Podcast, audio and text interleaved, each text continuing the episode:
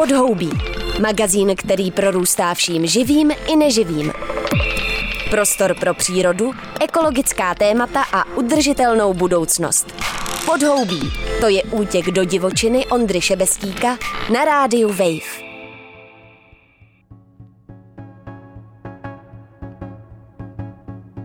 O nerůstu si můžete poslechnout jedno z archivních podhoubí s environmentálním sociologem Arnoštem Novákem.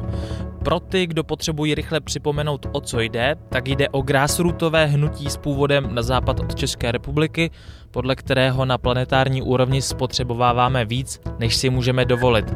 Abychom se vyhnuli klimatické katastrofě, je potřeba snažit se o sociálně spravedlivé a postupné snižování produkce a spotřeby, které ale zároveň zvýší lidskou spokojenost a kvalitu života. Nerůstové hnutí totiž věří, že k lepšímu životu se stejně prokonzumovat nedá. Jde tu o důraz na kvality, jako je zdravé tělo, kreativita, duševní pohoda, příjemný pobyt v komunitě lidí a další způsoby sebenaplnění. Dnešní podhoubí vzniklo na nedávné nerůstové konferenci, která proběhla v Brně a jejíž samotná náplň, kromě řečnických projevů a panelových diskuzí, s nerůstovými představami korespondovala.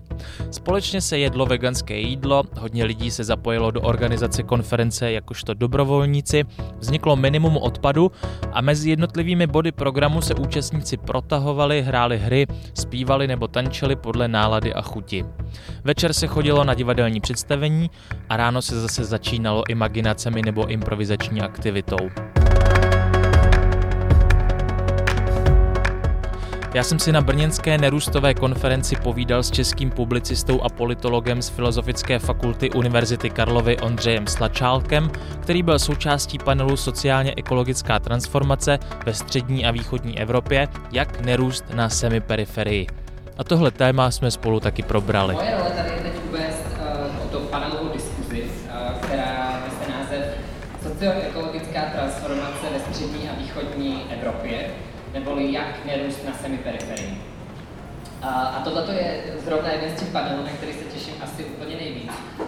Sešli jsme se na konferenci, která je o nerůstu, takže nemůžu se nezeptat na začátek, jak tomu konceptu rozumíš, co je to nerůst a jak ti připadá vitální Eh, nerůst je snaha spochybnit představu o teoreticky neomezeném růstu. Jo, představa o tom, že potřebujeme neustálý růst ekonomiky, aby společnost se dál reprodukovala. Jo, je tam představa o zastavit, zpomalit.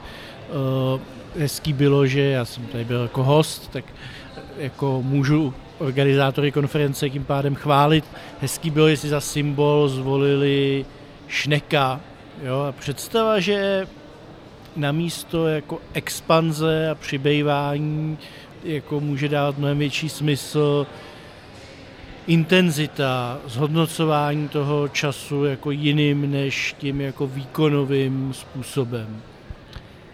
Já samozřejmě popravdě řečeno asi na rozdíl od většiny účastníků toho mám o té rétorice trochu pochybnost, protože vlastně to pro mě znamená, že jsme si to slovo růst nechali sebrat liberálními ekonomii, jo? že prostě v přírodě přece znamená růst něco úplně jiného. Jo? Jako znamená, že se narodíme jako malé dítě a můžeme dorůst 160 až 220 cm, ale ne víc, jo? že jako v přírodě je růst vždycky omezený, limit, jako proces, který zahrnuje limity. A jako perverze té klasické a neoklasické ekonomie spočívá přesně v tom, že jako nám vymodelovala svět, kde je teoreticky možné růst neomezeně. A ten nerůst je podle mě pro mě hrozně jako blízký a sympatický tím, že to spochybňuje, že to odmítá, že říká jako je potřeba zastavit, zpomalit, ale zároveň mi přijde, že může to slovo navodit jako stagnaci, úpadek a myslím, že to není jeho smysl, jo? že jeho smysl je spíš návrat k tomu jako růstu, v němž jsou zahrnuty ty limity. Ale zvolili si, v angličtině se používá degrowth, ve francouzštině decroissance, uh, jako a což by se do češtiny velmi kostrbatě překládalo spíš jako odrůst nebo jako zbavení se ekonomického růstu, jako vykořenění, vykořenit z nás jako teda pozůstatky po, té, po tomhletom jako uh, růstovém fantasmatu.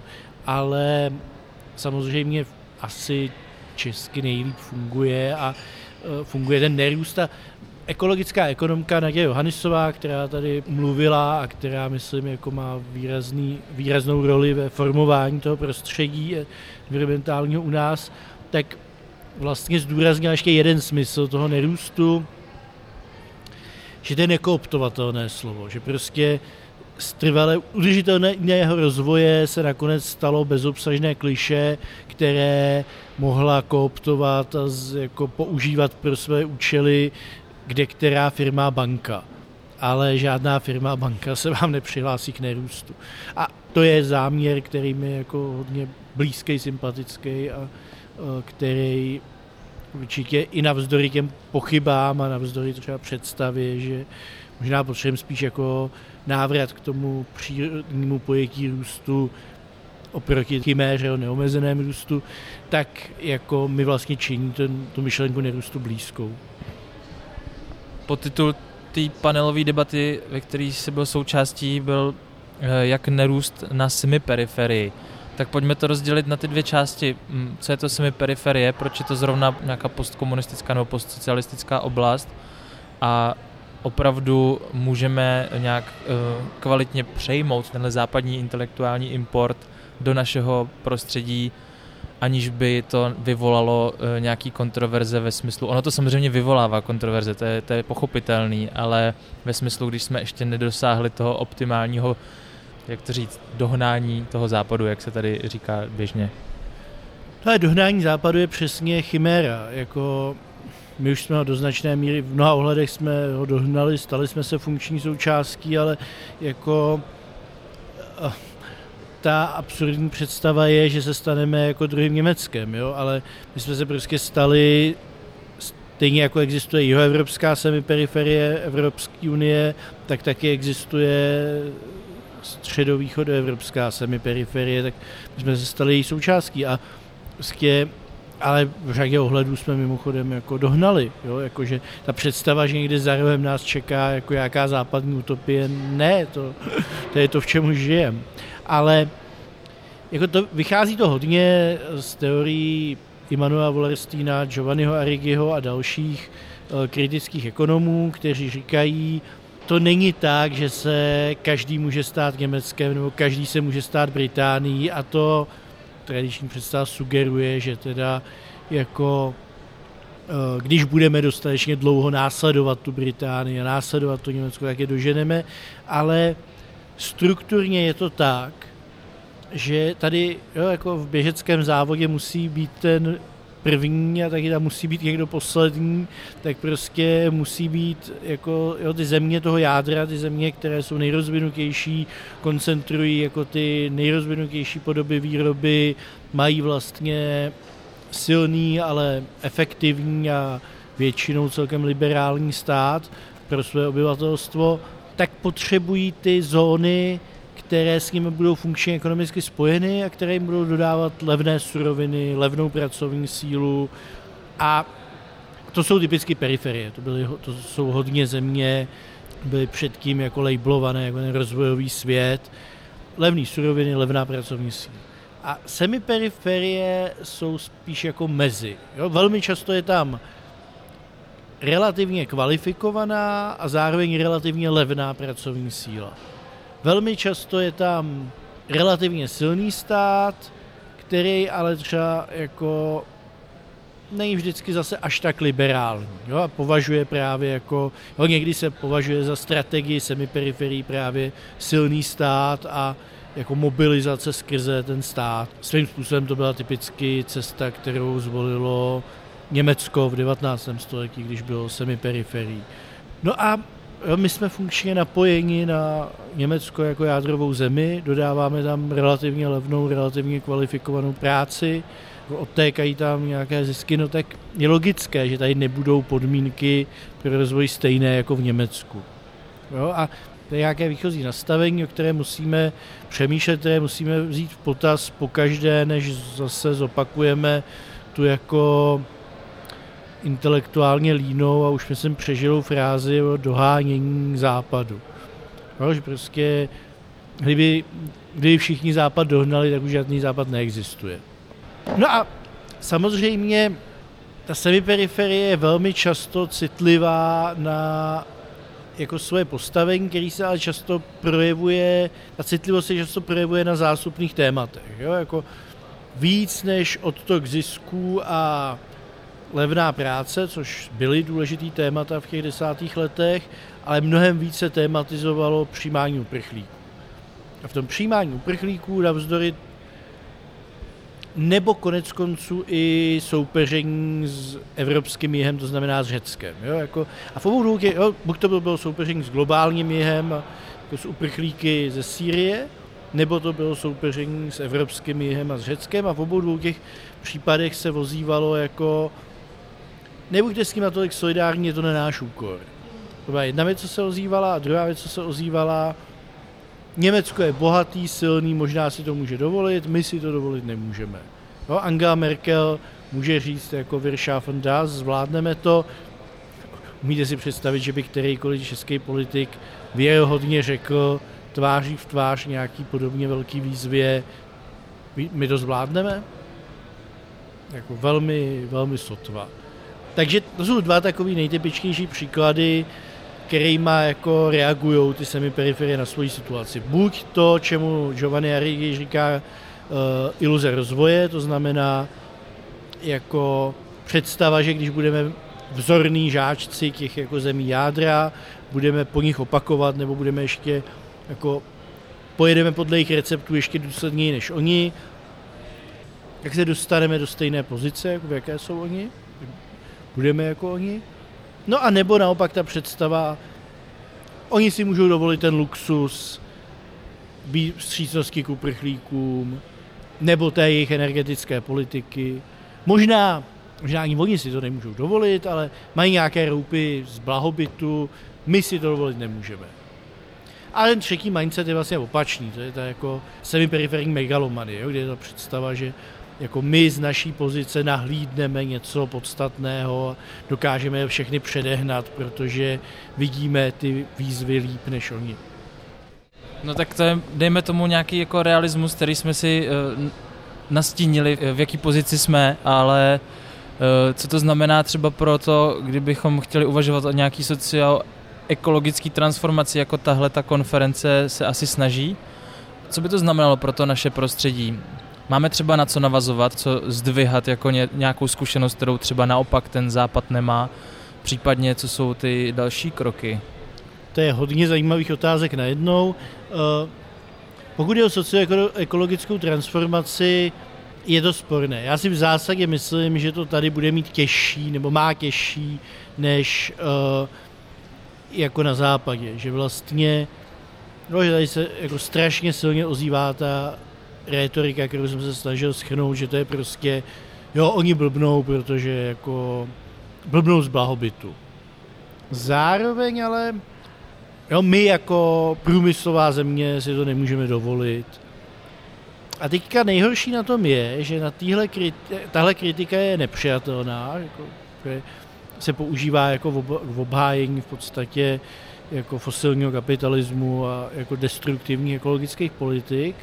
Zároveň má v sobě dva silné momenty pravdy, který podle mě musí to environmentální hnutí jako vzít vážně, zabývat se jima. Jednak prostě, ano, Česká republika je země výrazně závislá na automobilovém průmyslu a dalších typech jako toho náročného, energeticky náročného průmyslu a to je při té transformaci nutný vzít v potaz.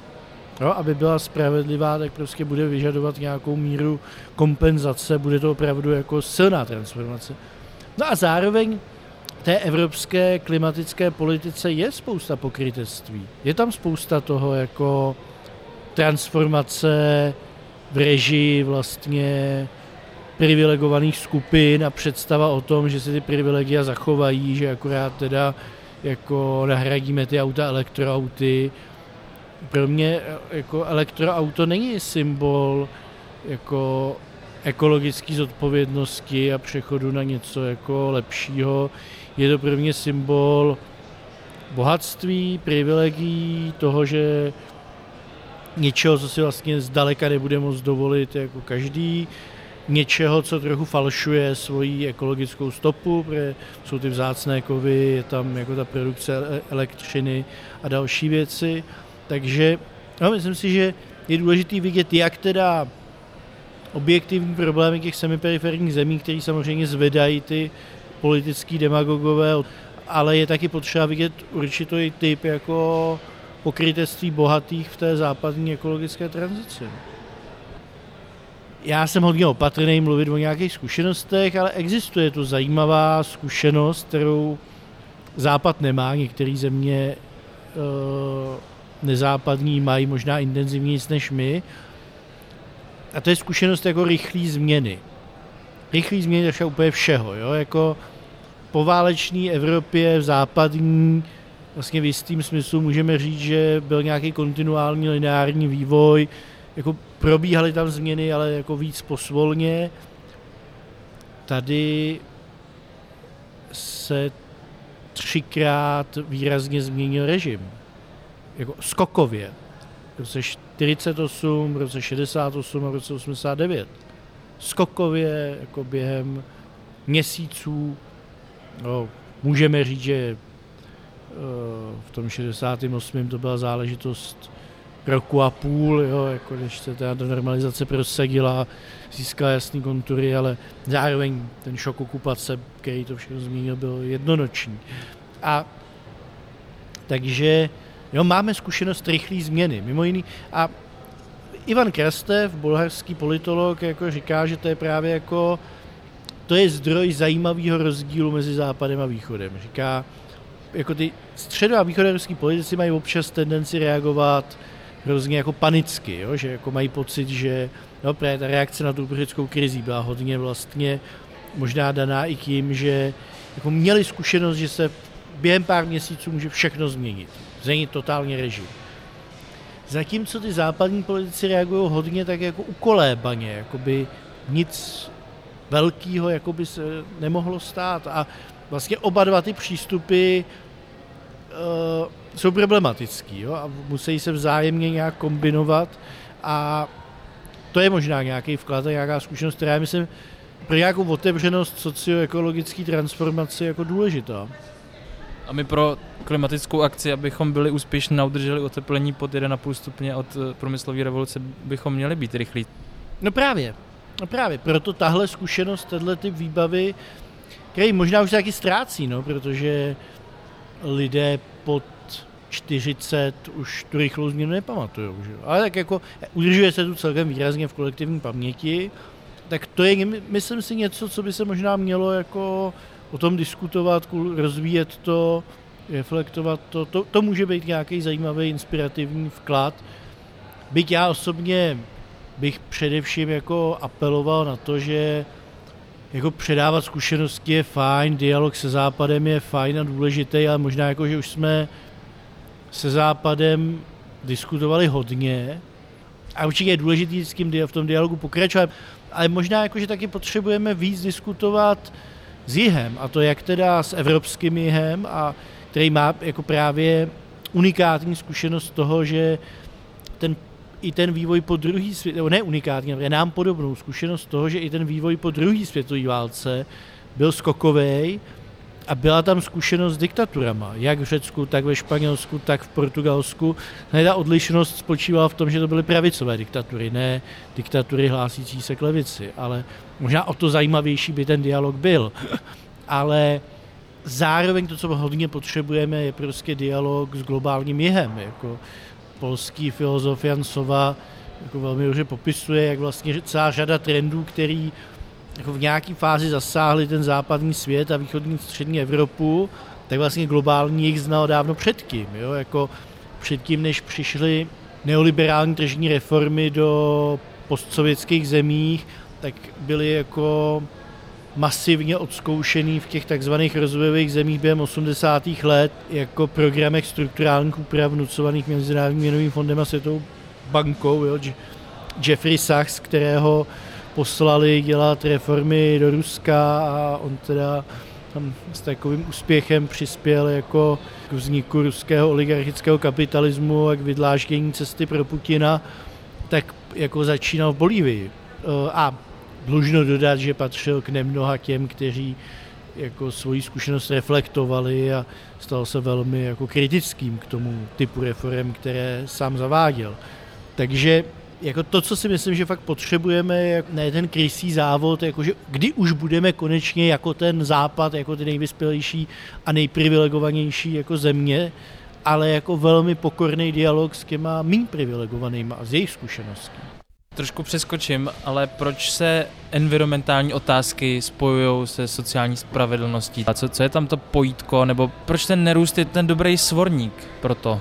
No tak to spojení vychází z představy, že jakoby nejde jedno prosadit bez druhého, jo? že prostě vzhledem k významu klimatické krize a dalších ekologických problémů, já nevím, devastace oceánů, jako úpadek biodiverzity a podobně, tak vlastně jako nejde si představit sociální spravedlnost bez řešení těchto problémů, jo, protože to by byla v úvozovkách sociální spravedlnost, ale na poušti, že jo, nebo na, jako, ale, takže sociální spravedlnost bez jako řešení té ekologické, nadcházející ekologické katastrofy je nemyslitelná a uh, popravdě řečeno vlastně ta ekolo, nadcházející ekologická katastrofa vrhá i velký stín na to předchozí řešení té sociální spravedlnosti bohatých západních zemí prostřednictvím jako sociálního státu a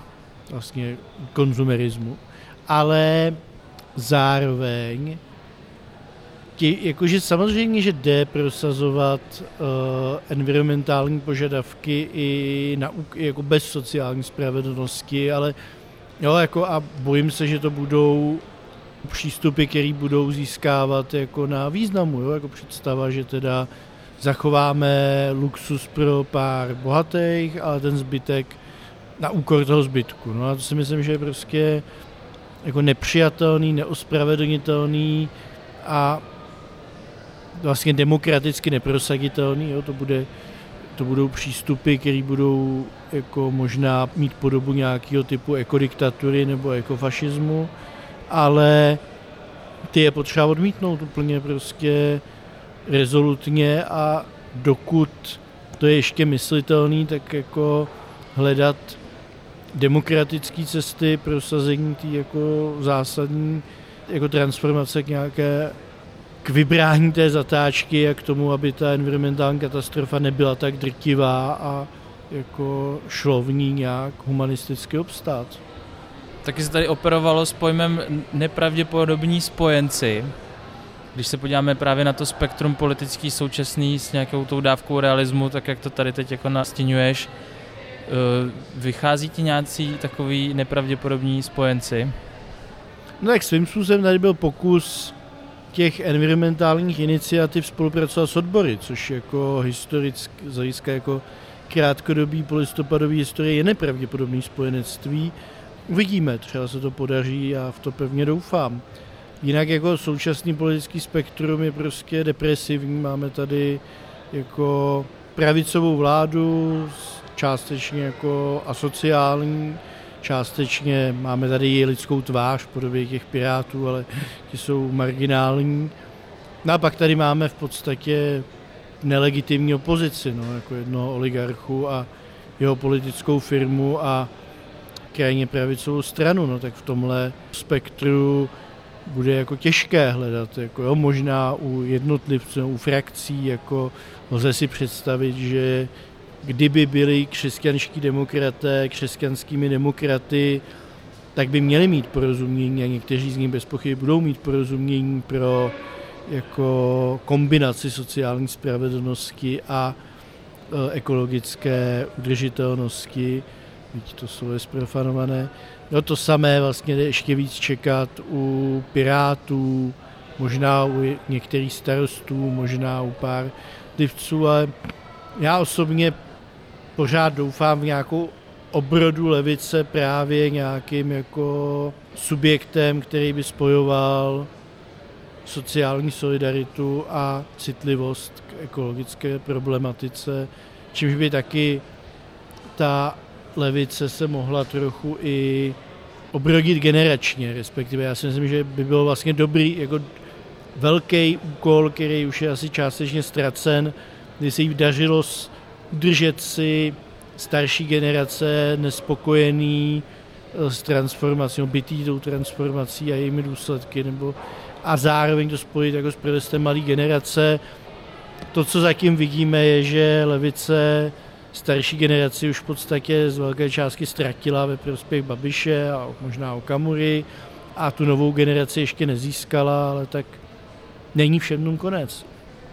No, já co jsem tak jako pochopil, je důležitý se obracet zase víc k nějaký společný akci a zvlášť pokud jde o, o nerůst anebo o řešení e, ekologických krizí, tak na tom prostě naše individualistická společnost v tuhle chvíli nemá páky, že to spolčování se a združování je e, jako znova silným tématem. A já se ptám, co s tím individualistickým subjektem, který je zvyklý na ty požitky a je v nás tak v tuhle chvíli silně zakořeněný a je vlastně živený tou strukturou ekonomicko-politickou, která je kolem nás? Ano, jako myslím si, že individualizovaná společnost, která tu individualizovanost vlastně přenesla i do technologií, jo? jakože vlastně je strašně ty takzvaně komunikační a takzvaně sociální technologie jsou vlastně strašně jako individualizující, tak to je jako velký problém. To nechci spochybňovat a myslím si, že to je klíčový problém, který jako jakákoliv snaha o sebeorganizaci a budování nějaký společenský solidarity čelí. Zároveň prostě takovéhle snahy vždycky čelí problémům, jako naši rodiče se spojovali, organizovali a společně demonstrovali v podmínkách diktatury. Jo, jako v Polsku v podmínkách diktatury vznikl několika milionový odborový svaz.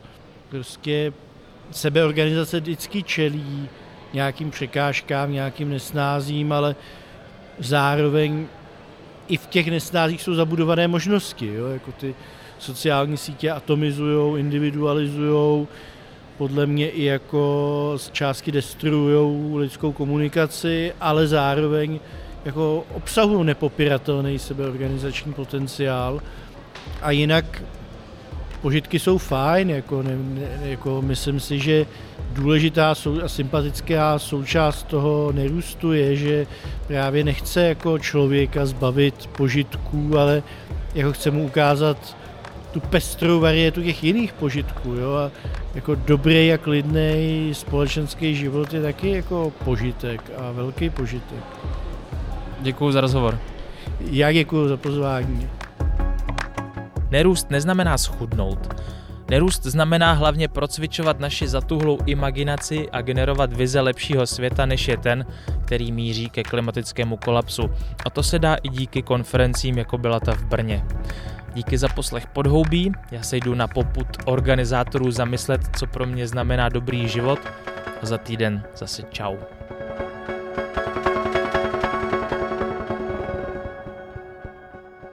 Pod jehličím není pláž, ale podhoubí. Prostor pro ekologická témata a udržitelnost. Přihlas se k odběru podcastu na wave.cz lomeno podcasty a poslouchej podhoubí kdykoliv a kdekoliv.